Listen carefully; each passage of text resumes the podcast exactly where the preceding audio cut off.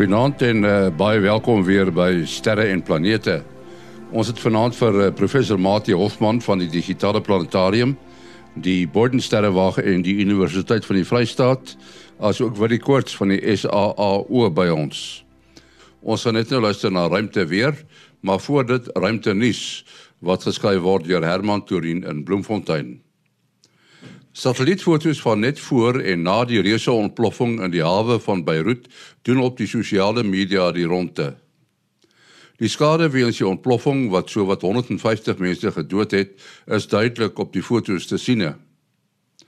Satellietbeelde kan wel aansienlik kleiner voorwerpe op die aarde fotografeer en uitken en voorwerpe kleiner as motors kan so uitgeken word. Dit beteken ook dat satelliete in staat is om voorwerpe veel kleiner as China se groot muur te kan fotografeer. 'n Volar storie doen die ronde dat die muur al mensgemaakte voorwerpe is wat van die maan af gesien kan word. Sou die satelliet op die afstand van die maan van die aarde af gewees het. Militêre satelliete kan veel kleiner voorwerpe raak sien en kan boonop tot 'n millimeter die hoogte van die voorwerp op die aarde bepaal. NASA het met 'n omvattende studie begin van byname wat planete en ander hemelliggame gekry het, met die oog daarop om sulke name wat kwetsend vir sommige mense is, nie verder te gebruik nie. Hulle sal nou op hul amptelike name genoem word. Dit het volgens NASA te doen daarmee om groter erkenning aan diversiteit te toon iets wat nou onder andere tot die Black Lives Matter veld tog aanleiding gegee het. Een bynaam wat waarskynlik in die slag gaan bly, is die naam Eskimo Nevel. Die naam Eskimo was oorspronklik 'n Indiaanse skelpnaam vir die Inuit en beteken rou vleisvreters. Tot sover dan ruimte nuus wat geskryf is deur Herman Torin in Bloemfontein. Nou Kobus Olkers en ruimte weer. Goeienaand en nee, goeienaand luisteraars. Ja, ons het uh toe verlede week ons uh, twee sonvlekke gesien en maar soos wat ons gesê het, het hulle niks gedoen wat die moeite werd is nie om die waarheid te sê. Hulle is die een is al reeds oor die rand van die son en um, die ander een is op pad soontoe en hulle is al twee besig om baie te krimp. Dit gesê dan het ons uh, nog 'n nuwe enetjie wat nou oor die oor die eh, onderste rand van die son kom. Hy is omtrent 45 grade af in die van van die eh, ewenaar af. En uh ek kan nou nog nie sy magnetogram sien, so ek kan nie ek kan nie uh 'n idee kry van hoe kompleks hy is nie, maar dit lyk asof daar 'n bietjie aktiwiteit is. Ons het sover 'n paar 'n B-klas vakkels uit hom uit gekry. En uh, moet jy werd om maar 'n bietjie na hom te kyk. So ek sou sê daar so 35% kans van ehm um, van 'n van 'n fakkeltjie, miskien 'n C-klas fakkel of so deur die volgende week. En dan wat uh, koronagat aanbetref, is daar 'n massiewe groot een bo 'n eh, kroon koronagat bo op die noordpool van die son, kleiner enetjie by die suidpool. Ehm um, hulle is kleiner as die wat ons die afgelope paar maande gesien het deur 'n uh, gedurende diep minimum. Ehm um, so dit lyk vir my asof die die siklus nou regtig begin draai na die volgende siklus toe van die van die 11 jaar siklus van die son. Ehm um, daar is 'n koronagat ehm um, so omtrent 20 grade onder ewenaar van die son. Hy is op hierdie oomblik geo-effektief. Ehm um, ek het eintlik 'n groepie van 3 verskillende koronagate. Ehm um, en hulle het verskillende magnetiese oriëntasies so die wat hier by die aarde aankom is is maar 'n bietjie die mekaar spel en dit kan dalk 'n bietjie uh probleme veroorsaak vir ons langafstand uh radio luisteraars. En dan wat filamente aanbetref waar daar 'n koronagat is, moet daar 'n filament naby wees. Uh sien ons dan ook nou in die suidekant van die klomp is daar so groot onstabiele lang filament onder hulle. Uh dit lyk nie egter nie asof daar genoeg energie in hom is um, om of plat te val of om uh, op te styg nie. So ek dink die kans daar is maar 10% dat ons daar ryder fakkel kan sien. So uh opsommend vir hierdie week uh ligte ligte ruimte weer. Ehm uh, niks om oor huis toe te skryf nie. Jy kan my jou GPS se vertrou hierdie hierdie week uh, sover as wat ek kan sien. tensy hierdie sonvlek wat nou oor die rand van die son gedraai het skielik baie versterk. Nou ja, goeienaand almal. Dit was dan eh, Kobus Olkers wat gesels het oor die weer op die son. Kobus woon in Florida, Amerika. Wat die eh, daar's nou 'n interessante ding. Uh, jy het al gesê dat daar op Sutherland is daar ergens aardbewings of iets is dan word dit geregistreer by Sutherland. Nou het julle eersins iets geregistreer oor die groot ontploffing in Beirut. Uh, ja, jy's reg, daar's twee stelsels. Eintlik daar is 'n gewone seismometer en uh, ongelukkig het ons nog nie toegang tot sy data nie. Ehm um, dit gaan San Diego toe en van dit gaan hier in ons plaaslike Suid-Afrikaanse die ou geological survey ek presies seker wat is in Afrikaans nie maar hulle hulle ontvang die die die inligting direk en ehm um, en dan uh, is daar ook 'n mikrogravitasiemeter. Nou vir 'n mikrogravitasiemeter soos die naam sê meet hy eintlik gravitasie en gravitasie in 'n baie baie klein hoeveelhede en hy is so sensitief dat selfs die golwe wat aan die kus slaan en hoe ver is Sutherland van die see af word geregistreer. Dit is natuurlik alles um um geraas of uh, uh, wat dan nou nie 'n werklike sein is nie.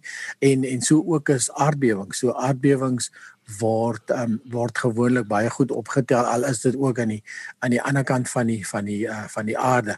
En uh um ek het toe my kollega Piet Fourie wat nou gemoeid is met uh hierdie stelsel GFZ is is die stelsel se naam mikrogravitasiemeter gevra of of die ammoniumnitraat ontploffing toe daar geregistreer het.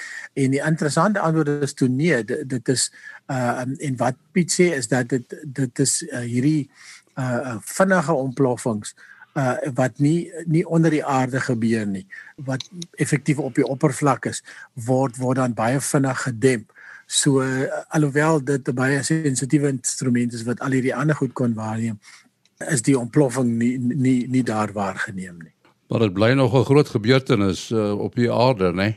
Ja, dit is nou nie nie, nie uh, dit is nou een ding wat die twee is, soos die ou mense gesê het. Ja, ongel, ongelooflik uh hoeveelheid um energie wat daar wat daar betrokke is en wat my nogal interesseer uh, ek het destyds by Sonkiem gewerk en uh, waar plofstof maak nou kyk net uh um ammoniumnitraat is is eintlik maar 'n is mos maar eintlik 'n 'n 'n 'n kunsmis. Nou nou sal van die boere vir jou sê ja, ons het lekker ons eie blasting gedoen daar op die plaas. Ons het ammoniumnitraat gemeng met diesel. So ammoniumnitraat as jy hom warm genoeg maak dan dan het hy uh, is hy plofbaar soos wat ons in die geval gesien het.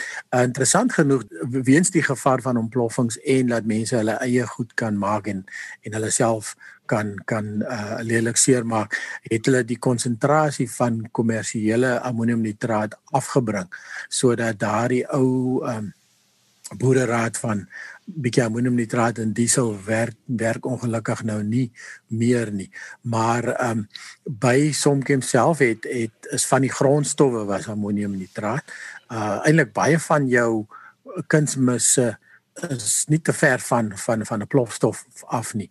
En die ander interessante ding wat ek opgetel het, daar is eintlik 'n hele klompie ammoniumnitraat ontploffings al gewees en daar's eintlik 'n Wikipedia bladsy daaroor wat eh, 'n uh, goeie 30 40 uh insidente uh, vir jou lys.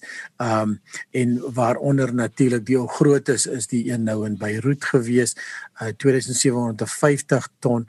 Um in Amerika in Texas City uh, uh in 1947 was daar 'n uh, uh, interessante ontploffing. Dit was bietjie minder uh, oorspronklik uh, net so oor die 2000 ton, maar daar was 'n tweede skip wat naby gelê het wat met 870 ton op wat wat ook wat ook ontplof het. En um dieselfde het gebeur 'n brand het uitgebreek uh um, met hierdie 2300 ton aan aan boord. Een van die maniere om 'n brand aan boord 'n skip te uh te verminder is om stoom in te blaas in die in die uh, laai areas en um maar maar nogtans het die het die het die skip toe um hulle het hom toe nou uitgevat buite nog steeds nog steeds ontplof en twee ander skepe het ook aan die brand geraak of ontplof. Die een het 'n het oor 1000 ton uh um swaal aan boord gehad en dan nog een met 960 ton ammoniumnitraat. En um die uh die ontploffing kon kon kon iets soos 200 km ver ver gehoor gewees het. Um en dan in Frankryk was daar ook um wat wat ook al altesaam oor die 4000 ton ehm um, wat, wat wat ook op 'n op 'n skip was wat hulle toe nou ook uitgesleep het en, en weer eens het dit het dit ontplof en natuurlik 'n hele hele klompie mense is dood maar gelukkig het dit daarom uh uh op die see gebeur ehm um, of of op pad uit om om die om die skip uit te uit te sleep. Net 'n opmerking vir perspektief die die Beirut ontploffing word so meer op posisie 6 van die grootste mensgemaakte nie kern ontploffings gelys. Met ander woorde wat nou die kernbomme uh, Iran plutonium of waterstofbomme was nie. En ons kan dalk ook uh, ietsie sê oor 'n vergelykbare ontploffing wat in 1896 in Suid-Afrika in Braamfontein plaasgevind. Ja, ek onthou die dit is uh, by die stasie nê. Nee. Ja, ja, daar was 'n aantal treintrokke met iets soos uh 60 ton dinamiet en uh deur 'n sameloop van omstandighede wat ek nou nie uh, mooi kan onthou nie, het dit op die ou end ontplof en 'n krater gemaak in terme van die kiloton TNT wat nou uh aangedui word as die krag gebruik word om die krag van ontploffing aan te toon. Dit is baie vergelykbaar met die Beirut ontploffing. Uh ek dink in die geval van die Beirut ontploffing lys hulle of beraam hulle die krag van ontploffing so tussen 1.5 tot 2 kiloton uh TNT. Uh in die geval van die Braamfontein ontploffing wat op 16 Februarie 1896 plaasgevind het, uh is daar 'n krater gemaak van 'n halwe rugbyveld 8 meter diep. Maar dan sien mens nou die ou fotos wat wys hoe die uh treinspore sommer so omgekrul het. So, mens kan jou voorstel die geweldige krag van die ontploffing. Daar's ongelukkig in die omgewing van 70 mense dood en 3000 mense wat hulle huise verloor het. Uh so mens kan nie dink dat almal van ons ek ek het dit nou maar geleer daarvan na aanleiding van die Beirut ontploffing toe ek nou bietjie gaan uh gaan Google soos hulle sê uh en dit was 'n geweldige gebeurtenis gewees wat hulle sê tot 200 km ver gehoor kan word. Nou as mens nou hierdie ontploffings vergelyk met met die die kernontploffings dan praat mens van 'n faktor 1000 verskil die grootste mensgemaakte ontploffing was die Tsar bom en dit was 50 megaton. Nou 'n mega is 'n faktor 1000 maal groter as 'n kilo. Uh so jy vergelyk nou maar sê kom ons ons werk nou maar op 'n 2 kiloton vir die Beirut ontploffing wat dalk 'n oorskatting is, dan praat jy van 25000 maal groter in die geval van die Tsar bom. Dit was natuurlik nou op 'n baie afgeleë plek en uh Uh, maar daar was in gevalle wat van hierdie kernontploffings kragtiger was as wat hulle verwag het en dan dan wel lewensverlies was. Ja, ja, EW is seker wonder hoekom praat ons so oor die ontploffings, maar uh, in die ruimte is daar natuurlik baie ontploffings. As 'n meteoor op pad is na die aarde toe, uh, dan kan hy ook uh, in die lug bo ontplof soos die ene wat in 2013 uh Bukan Chelyabinsk daar in Rusland ontplof het. Dit dit is ook 'n groot ek, ek het iewers 'n vergelyking gesien maatie van as jy 'n gewone kernbom vat soos die een by Hiroshima en jy vat daardie ding wat ontplof het by Chelyabinsk is hy veelvoudig groter. Ja, ja, hy het gelukkig in die uh die skokgolwe was nou so 'n bietjie uitgesprei in uh, uh in tyd en dit is nie op een plek gekonsentreer gewees nie maar as dit nou al daai energie lokaal sou oordra dan sou dit baie erger wees. Die Hiroshima bom was in die omgewing van uh, ek dink 15 kiloton so omtrent 'n faktor 10 maal groter as die Beirut ontploffing wat in elk geval 'n aanduiding is van hoe groot die Beirut ontploffing uh, uh, is as jy dit enigstens met 'n uh, kernbom kan vergel, uh, vergelyk met ongeveer 10%.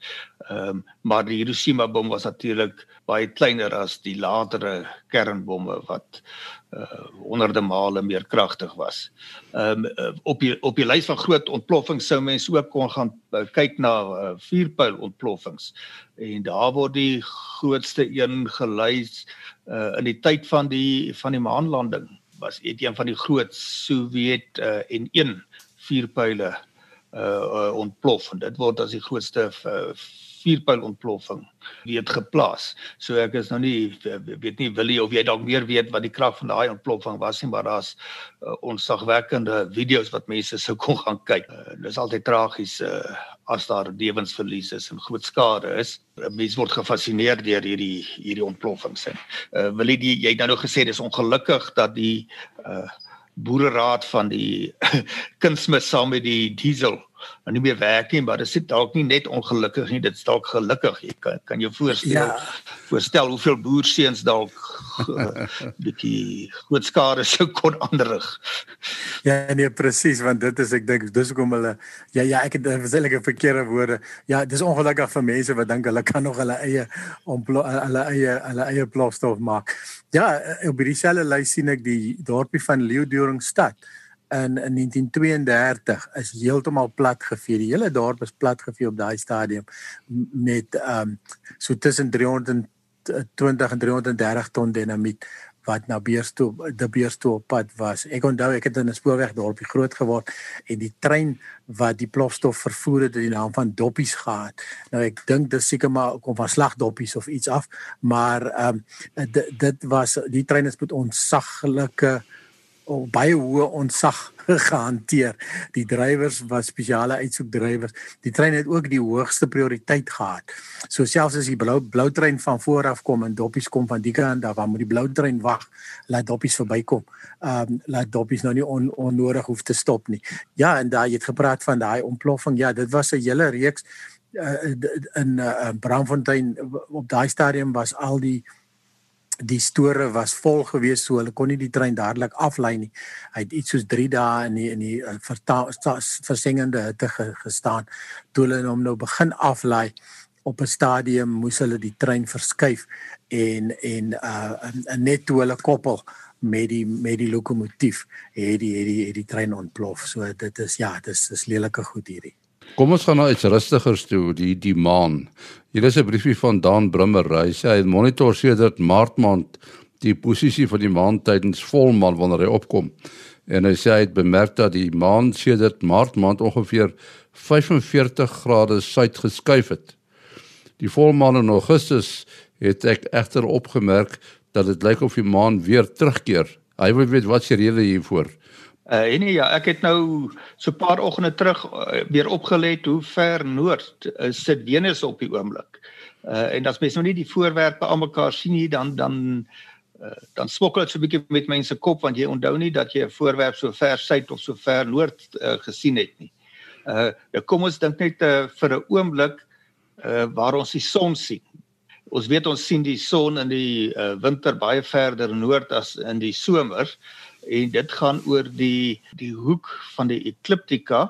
Dit is die vlak waarin die aarde om die son draai met die uh ewenaarsvlak. En daai hoek is 23 grade. Uh as ek vir onsself hier 'n Bloemfontein vat ongeveer 30 grade suid as 'n voorwerp op die ewenaarsvlak lê, uh en die son kruis die ewenaarsvlak by die uh eweningspunte. Dit is mos nou uh was dit daar 2023 Maart en uh, weer in September in 2022 September rond.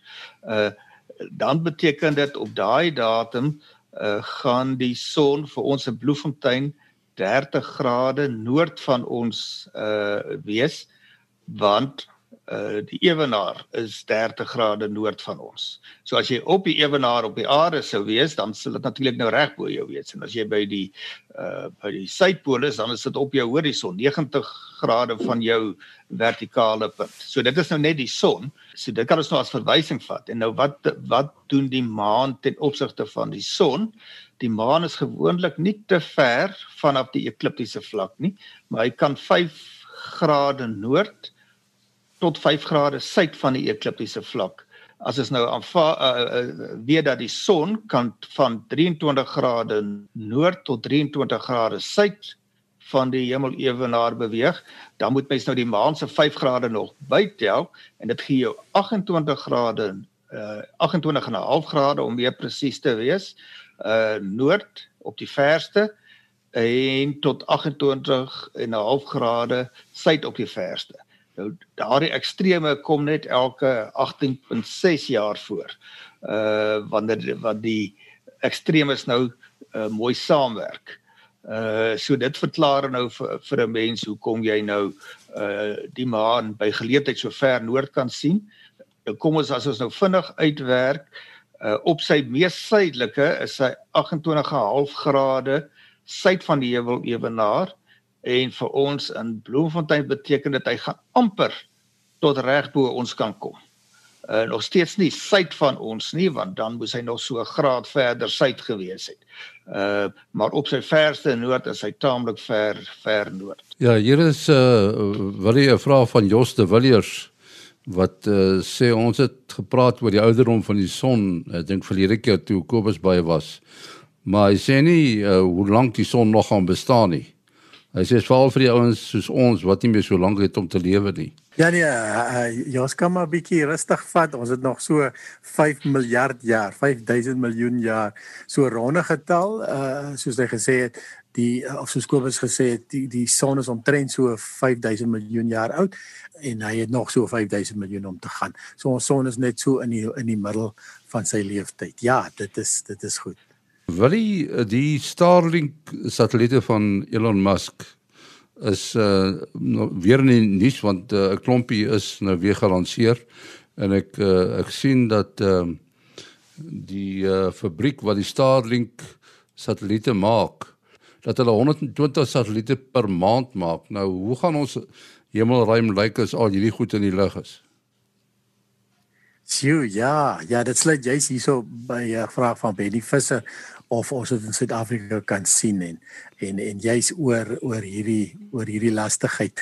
Uh ja, ongelooflik um uh hoe die hoe die satelliete uh, gelanseer word. Hierdie keer kon hulle net 57 in plaas van die gewone 60 lanseer omdat daar twee ander satelliete saam was en um die keer was die satelliete nogal baie dowwer en 'n paar mense het dit nou al waargeneem. Die eerste keer uh was dit oor Suid-Afrika sigbaar maandag aan en en ek het nogal vermoed dit gaan nie nie so helder wees soos altyd nie. So so ja, so Benny jy, jy sal maar moet moet mooi luister en mooi kyk. Daar's natuurlik nou uh weer uh, uh, uh, uh punt heavens koppelteken above .com daar kan jy maar altyd vir enige satellietwaarnemings uh vir voorspellings kan jy kan jy gaan kyk. Die, ja, so die die Suid-Afrika het nogal so 'n paar uh oorvlugte gehad uh um in die in verlede week of, of die week van van van, van die Starlinks en uh so die redes, die twee redes wat wat ek um hoekom ek vermoed is hulle nie so helder nie. Um is is die die eerste is natuurlik juis as gevolg van druk van die sterrekundige gemeenskap as as jy sê die as die hele ligvol satelliete naderhand is dan dan gaan daar gaan jy amper nooit uh enige fotos of enige werk kan doen sonder dat daar 'n uh, paar van die satelliete deur jou veld beweeg wat jou waarnemings gaan beïnvloed nie. So uh, uh daarom het hulle hulle eers geëksperimenteer met uh, die die satelliete verdonker en die een eksperimentele een se naam was Darkset en um, en en Darkset maar toe het hulle 'n bietjie probleme gekry met die temperatuurregulering en so van die satelliet en die die die jongste en en die laaste lansering was almal sogenaamde visor sets. So uh, hulle hulle het bietjie hulle sommetjies gaan doen en gaan kyk hoe kan ons die veral die onderkant van die satelliet wat aarde toe wys uh wat die wat die wat die blink veroorsaak. Hoe kan ons dit verdonker en en deur eenvoudig net net 'n sonsambreltjie by te voeg dit is so eenvoudig soos dit. En uh so met die vorige lansering was daar een wyser set, die uh, satelliet is nog nie heeltemal op sy op operasionele hoogte nie. Um want hy het natuurlik nou bietjie meer sogenaamde drag omdat jy het nou hierdie sambreel wat moet saamsleep en die aarde se atmosfeer beïnvloed hom 'n klein bietjie en dis maar ioon motors wat gebruik word. Maar die laaste lansering uh en so hulle moes al reeds uh, genoeg inligting gehad het om te sê dit gaan suksesvol wees, dit suksesvol sodat hulle nou almal wiser sets is. En uh die die vraag is net en dit weet ek nog nie is op watter stadium word die satelliete se sonsambreeltjie ge, geaktiveer.